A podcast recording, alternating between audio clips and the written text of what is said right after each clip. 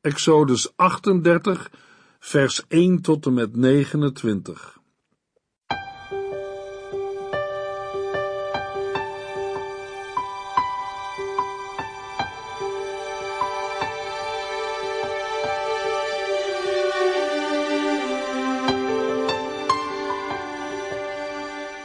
Hartelijk welkom bij De Bijbel Door, een programma van Transworld Radio.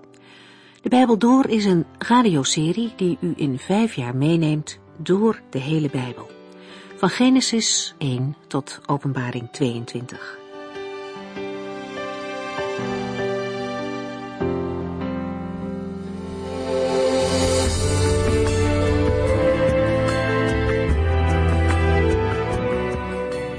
We zijn bezig met het ontwerp en de bouw van de tabernakel in het Bijbelboek Exodus. De vorige keer stonden we stil bij de mensen die daaraan meewerkten, Bezaliel en Oholiab, maar ook nog veel anderen die niet bij name genoemd worden. Al die medewerkers hadden twee dingen gemeenschappelijk. In de eerste plaats het talent wat ze van de heren hadden gekregen om hun werk te doen. En ten tweede wilden ze met heel hun hart graag meewerken. Dat zijn twee aspecten waar ook wij vandaag de dag nog wat mee kunnen. Want er is genoeg werk te doen in het Koninkrijk van God. Belangrijk is dat we werk doen waarvoor God ons de talenten heeft gegeven. En dat is voor iedereen verschillend. Maar niemand is overgeslagen bij het uitdelen van de talenten. En daarnaast is het ook goed om onszelf af te vragen wat onze beweegredenen zijn om dingen te doen. Waar zijn we druk mee? Is wat we doen belangrijk in het licht van Gods werk op aarde? En hoe zit het eigenlijk met onze motivatie? Hebben we, net als de Israëlieten in Exodus, het verlangen om met ons hele hart ons in te zetten voor het werk van God? We zien in deze hoofdstukken hoeveel het voor de Here betekent als mensen van harte en graag voor Hem werken. Laat liefde en toewijding aan de Here dan ook onze drijfveer zijn om aan de slag te gaan. Er is werkelijk werk genoeg in het Koninkrijk van God. Maar al te vaak lijkt het alsof er meer werk ligt dan dat er mensen te vinden zijn. Maar dat hoeft ons niet te ontmoedigen. De Heer Jezus zag dat zelf ook. En hij zei tegen de discipelen dat ze moesten bidden om meer arbeiders, omdat de oogst groot is, maar de werkers weinig. Laten we vandaag een mooi aan de slag gaan elk op onze eigen plaats en met een hart dat erop gericht is om het werk te doen dat de Heer voor ons heeft liggen.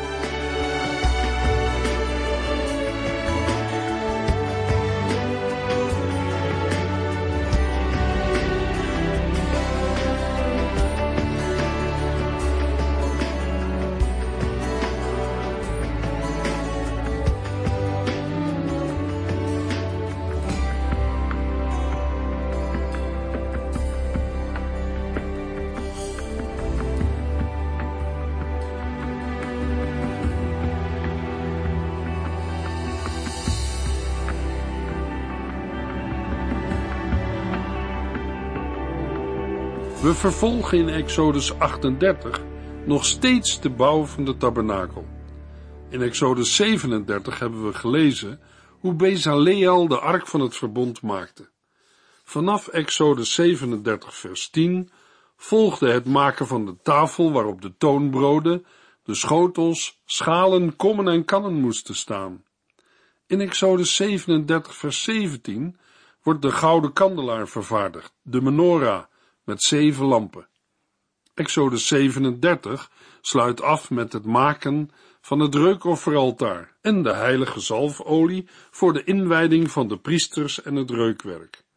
Al het heilige meubilair voor het heilige en het heilige der heiligen is daarmee klaar. Daarvoor waren in Exodus 36 al tien tentdoeken geweven van getwijnd fijn linnen, blauw-purper, roodpurper en scharlaken, bewerkt met prachtige engelfiguren. Over de tentdoeken kwam een buitentent van geitenvellen en daar overheen de dakbedekking van rood geverfde ramsvellen. Over de ramsvellen kwam nog een kleed van dassen of taaggasvellen. De constructie, waarop de kleden werden geplaatst, bestond uit met goud vergulde panelen van acaciahout op zilveren voetstukken. Deze panelen waren verbonden met dwarsbalken. De ruimte binnenin werd met het voorhangsel in tweeën verdeeld, het heilige en het heilige der heiligen. De ingang werd afgesloten met een gordijn van blauwpurper, roodpurper, scharlaken en getwijnd fijn linnen. Twijnen is het ineendraaien van twee of meer enkelvoudige garens in één twijnbewerking. Een ambacht dat al bij de Egyptenaren bekend was. In Exodus 38 volgen we de bouwers van de tabernakel naar de voorhof. De omheinde ruimte rondom de eigenlijke tabernakel. Al wordt het woord tabernakel ook gebruikt voor het geheel, tent met omheining en alles dat erin staat. Zoals we in het Bijbelboek Numeri zullen zien, trokken de Israëlieten door de woestijn als de wolkkolom verder ging. Bleef de wolkkolom staan, dan reisden de Israëlieten ook niet verder. De ark van het verbond werd gedragen op de schouders van de priesters. Zij liepen voorop en volgden de wolkkolom. Steeds als de wolkkolom stilhield, bouwden de priesters de tabernakel op. De ark van het verbond werd eerst op het woestijnzand neergezet en er omheen werd de tabernakel met de omheining geplaatst. Als de wanden van de met goud overtrokken panelen op hun plaats stonden, werden de dwarsbalken door de koppelringen gestoken en kreeg de tabernakel stevigheid en vorm. Over de panelen werden de vier verschillende lage bedekkingen getrokken. De pracht en schoonheid van de tabernakel kon alleen aan de binnenkant worden gezien. Binnenin sprak alles van aanbidding, lofprijzing, verering van de Heere en de heiligheid van God. De voorhof, afgeschermd door de linnen omheining, was 45 meter lang en 22,5 meter breed. In de voorhof stonden twee voorwerpen van koper, het koperen brandofferaltaar en het koperen wasvat. Bij het brandofferaltaar werden de zonden van de Israëliet verzoend. Een Israëliet die gezondigd had, kwam naar de ingang van de tabernakel. Een priester leidde hem dan door het gordijn van de ingang de voorhof in. De Israëliet beleed de priester zijn zonden en legde dan zijn rechterhand op de kop van een offerdier, dat hij zelf had meegebracht. Ook voor de offerdieren zijn er voorschriften, maar die zullen we later bespreken. Meestal was het een lam, een geit of een rund. Na de beleidenis van zonden werd het dier geslacht en offerde de priester het dier op het brandofferaltaar. De Israëliet mocht na het offer niet verder de voorhof inlopen. Dat mocht alleen een priester.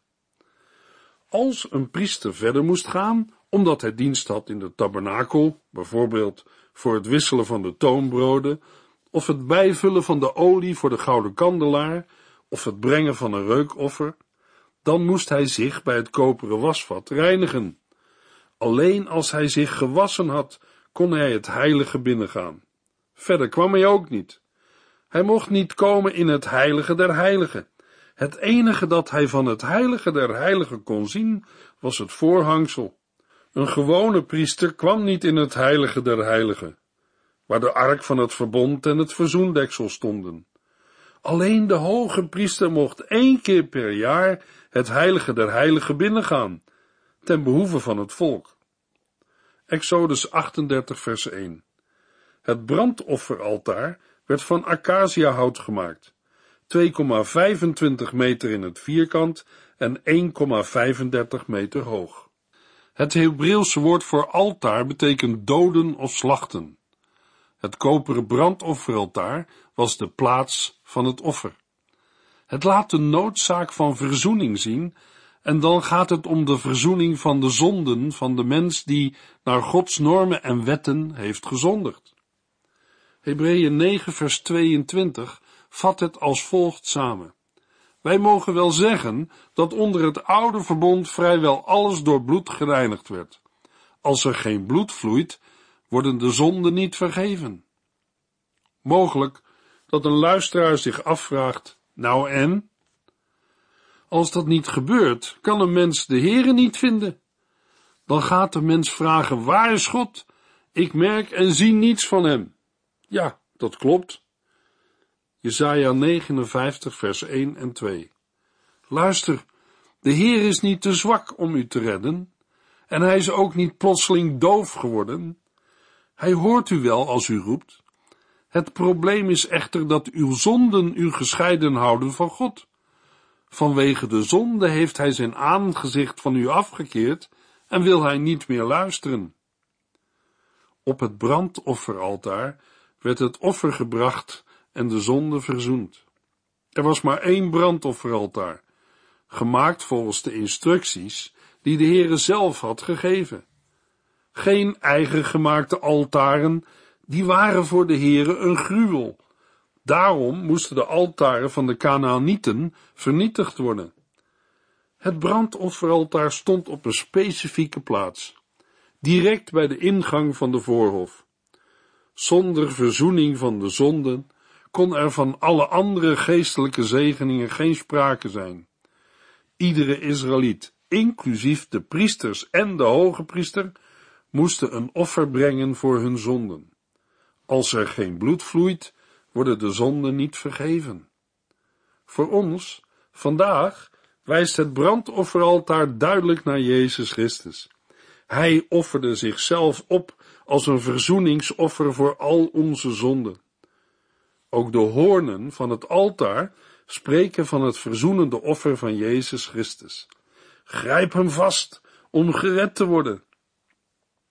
In Leviticus 17 vers 11 zegt de Heere, want de ziel van het vlees zit in het bloed, en ik heb u het bloed gegeven om op het altaar te sprenkelen als verzoening voor uw zielen. Het is het bloed dat voor de ziel verzoening doet. Daarom heeft de Heer ook een wet gegeven waarin staat, nog het volk Israël, nog een vreemdeling die bij hem woont, mag bloed eten. De Bijbel geeft veel beschrijvingen en instructies met betrekking tot het brandofferaltaar. Bijvoorbeeld, er moesten bepaalde potten, vuurpannen, draagstokken en ringen zijn. In Exodus 38 vers 1 tot en met 7 worden allerlei dingen genoemd.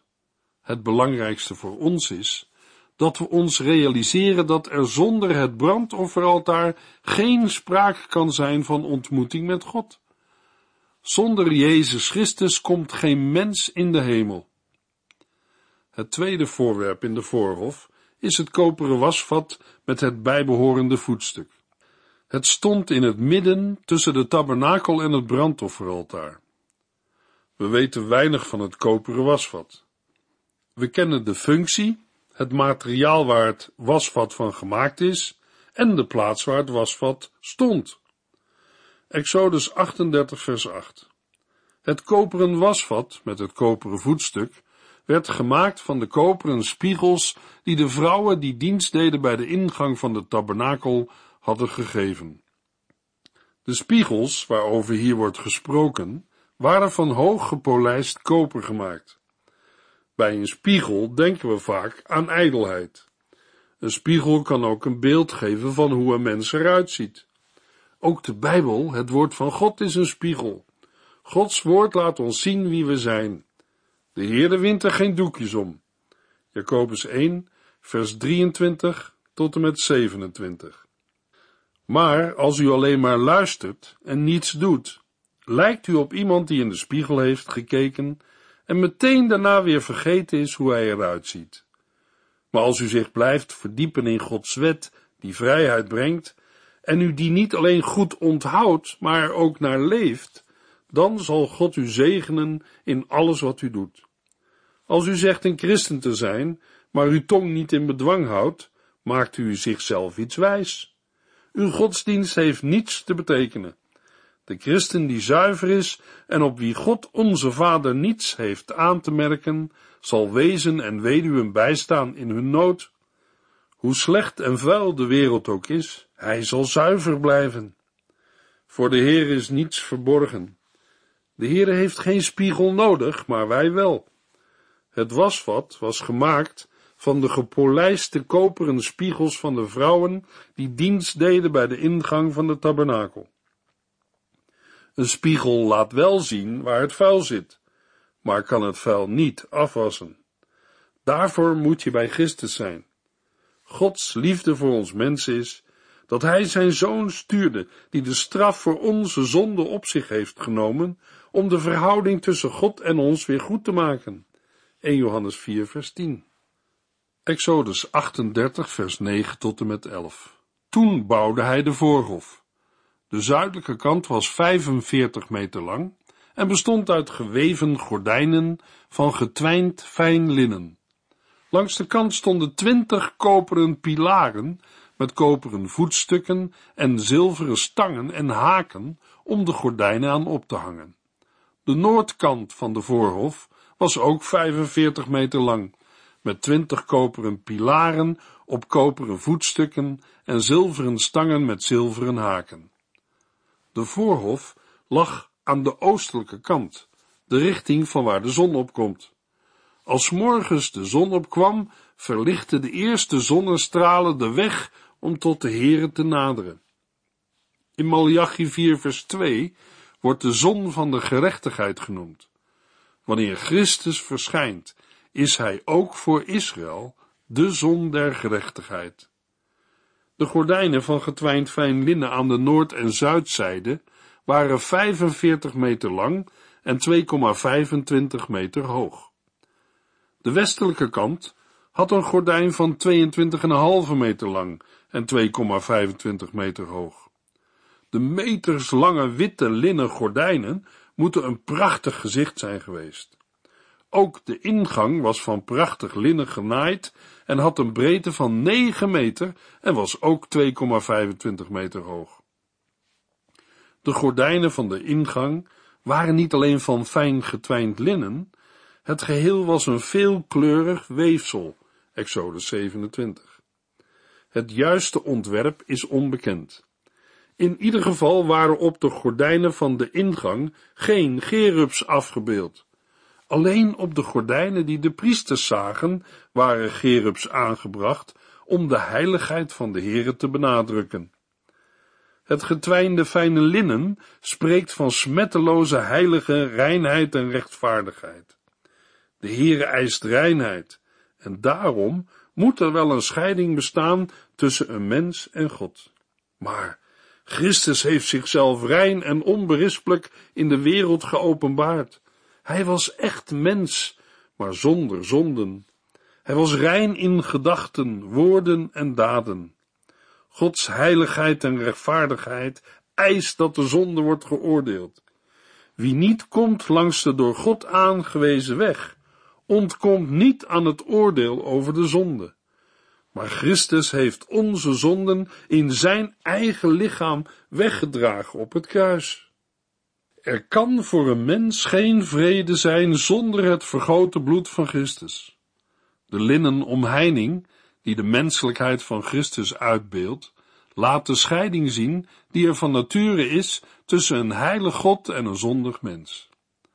Het woord van God is in de beschrijving van de tabernakel als een boek met platen. Platen die een mens de weg terugwijzen naar de Heere God. Het lijden en sterven van Christus aan het kruis is de redding voor een mens. En daarom stond het koperen brandofferaltaar bij de ingang van de tabernakel. De wit linnen omheining laat zien dat de mens van nature gescheiden is van God.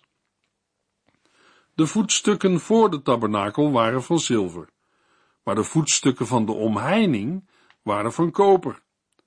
In openbaring 1 wordt de Heer Jezus als de Zoon des Mensen geschilderd. Met macht en majesteit wordt er over hem gesproken. Indrukwekkend, met voeten die glanzen als koperbrons in een oven. Christus komt terug op de wolken des hemels, onder andere ook om te oordelen de levenden en de doden. Luisteraar, het is het allerbeste dat Hij het oordeel draagt, want u, jij en ik kunnen het niet. Exodus 38, vers 18. Het gordijn voor de ingang van de voorhof was een prachtig stuk weefwerk van blauwpurper, roodpurper, scharlaken en getwijnd fijn linnen. Het was 9 meter lang en 2,25 meter breed, net als de andere gordijnen rond de voorhof. Er was maar één ingang naar de voorhof. Een Israëliet kon en mocht niet over de omheining heen klimmen. Hij moest door de ingang naar binnen gaan. Dat is vandaag niet anders. Er is maar één deur naar de Heere God, en dat is de Heer Jezus. Hij is de weg, de waarheid en het leven. Niemand komt tot de Vader dan door hem. Een ingang van 9 bij 2,25 meter is riant, breed genoeg voor ieder die de door God aangewezen weg wil gaan, met je zonde en het offerdier naar het brandofferaltaar. De voornaamste kleur van de ingang was blauw. De kleur wijst naar de Heer Jezus Christus, Heer van de hemel, door wie wij tot God kunnen naderen. Alle Israëlieten die tot de Heere wilden naderen, moesten met een offer bij deze ingang komen. Met het komen gaven ze er blijk van dat ze het met de Heere eens waren over het verschrikkelijke van hun zonden. In de omheining waren de pilaren van constructief belang. Dat de pilaren op koperen voeten stonden, laat zien dat alles rust op de onveranderlijke gerechtigheid en heiligheid van God. De Heere zal optreden tegen elke ongeoordeelde zonde, maar aan Gods eisen is voldaan door het offer van Christus. Als er nu nog iemand om zijn of haar zonden verloren gaat, is het dubbele eigen schuld. De Heere kunt u dat niet verwijten.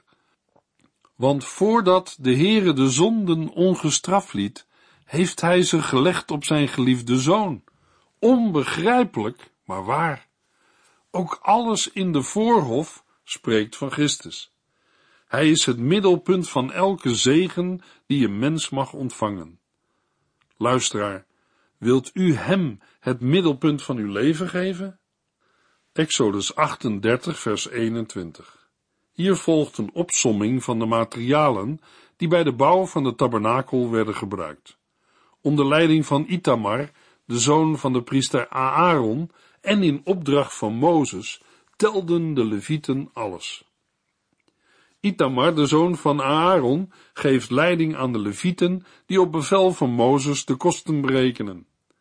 Dit roept de vraag op of dit gedeelte niet vooruitgrijpt op de latere aanstelling in nummer 1 en 3. Maar dat hoeft niet het geval te zijn, omdat Mozes toch de levieten wel aangewezen kan hebben om de telling te verrichten. De beide kunstenaars, Bezaleel en Oholiab, vers 22 en 23, zijn al genoemd in Exodus 35 en 36. Voor de aangegeven gewichten worden verschillende woorden gebruikt, namelijk talent, sikkel en heilige sikkel. Een talent is vermoedelijk 35 tot 40 kilo. Een sikkel is ongeveer 11,5 gram. Wat er met de heilige sikkel wordt bedoeld, is niet duidelijk. Een mogelijkheid is dat met het woordje heilig ook het doel wordt aangegeven. Dan is de betekenis een sikkel voor het heiligdom. Exodus 38, vers 25 en 26. De hoeveelheid zilver bedroeg 3195 kilo, bijeengebracht via de gave van 5,5 gram per persoon gerekend naar alle mannen die bij de telling twintig jaar of ouder waren. Het totaal aantal mannen bedroeg 603.550. In vers 26 komt de heffing van de verzoeningssom weer aan de orde. Het heeft maar liefst 3195 kilo aan zilver opgebracht. Deze heffing is bij het begin van de werkzaamheden voor de tabernakel al geheven. Exodus 30. Vandaag mag een gelovige weten gekocht en betaald te zijn door het kostbare bloed van Christus, dat kostbaarder is dan zilver of goud. Exodus 38, vers 27. Voor de panelen in het heiligdom en de pilaren die het gordijn ondersteunden, werd 3000 kilo zilver gebruikt, 30 kilo per voetstuk. De voetstukken werden van de verzoeningssom gemaakt. De panelen stonden niet op het zand, maar op zilveren voetstukken. De voetstukken spreken van het verzoeningswerk van de Heer Jezus aan het kruis en van zijn opstanding.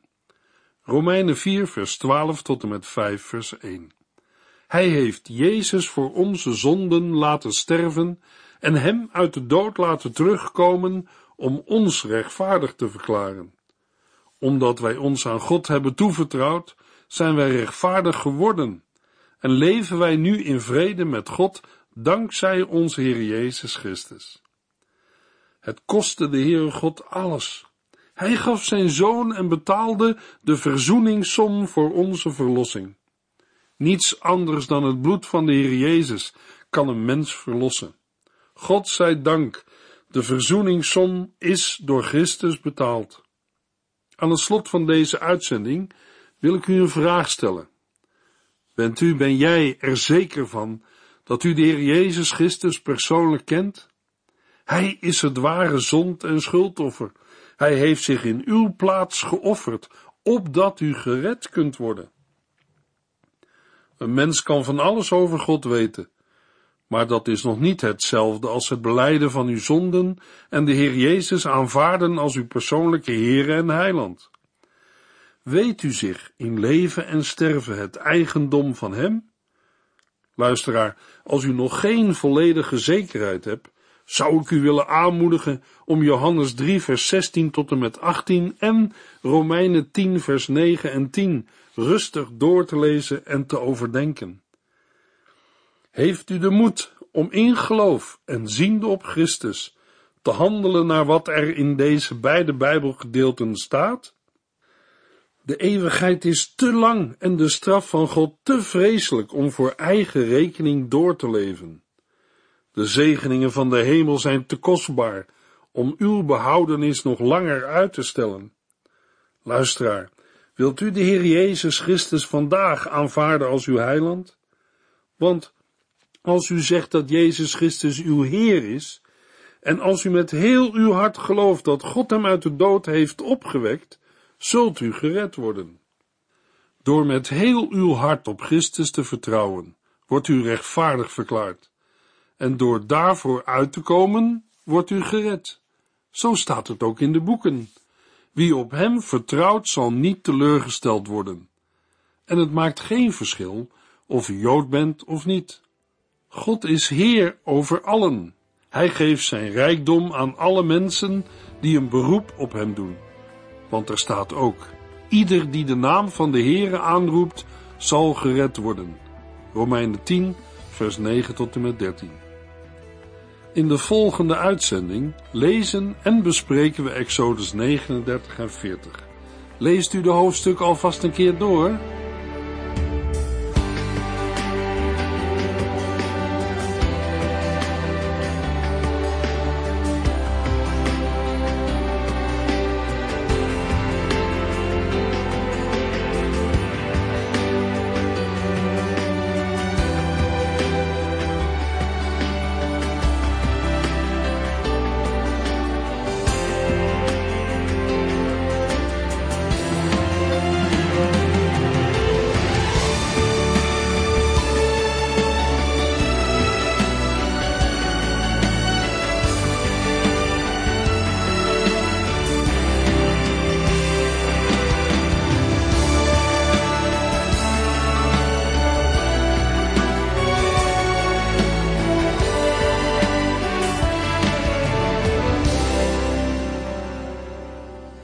Geluisterd naar De Bijbel Door.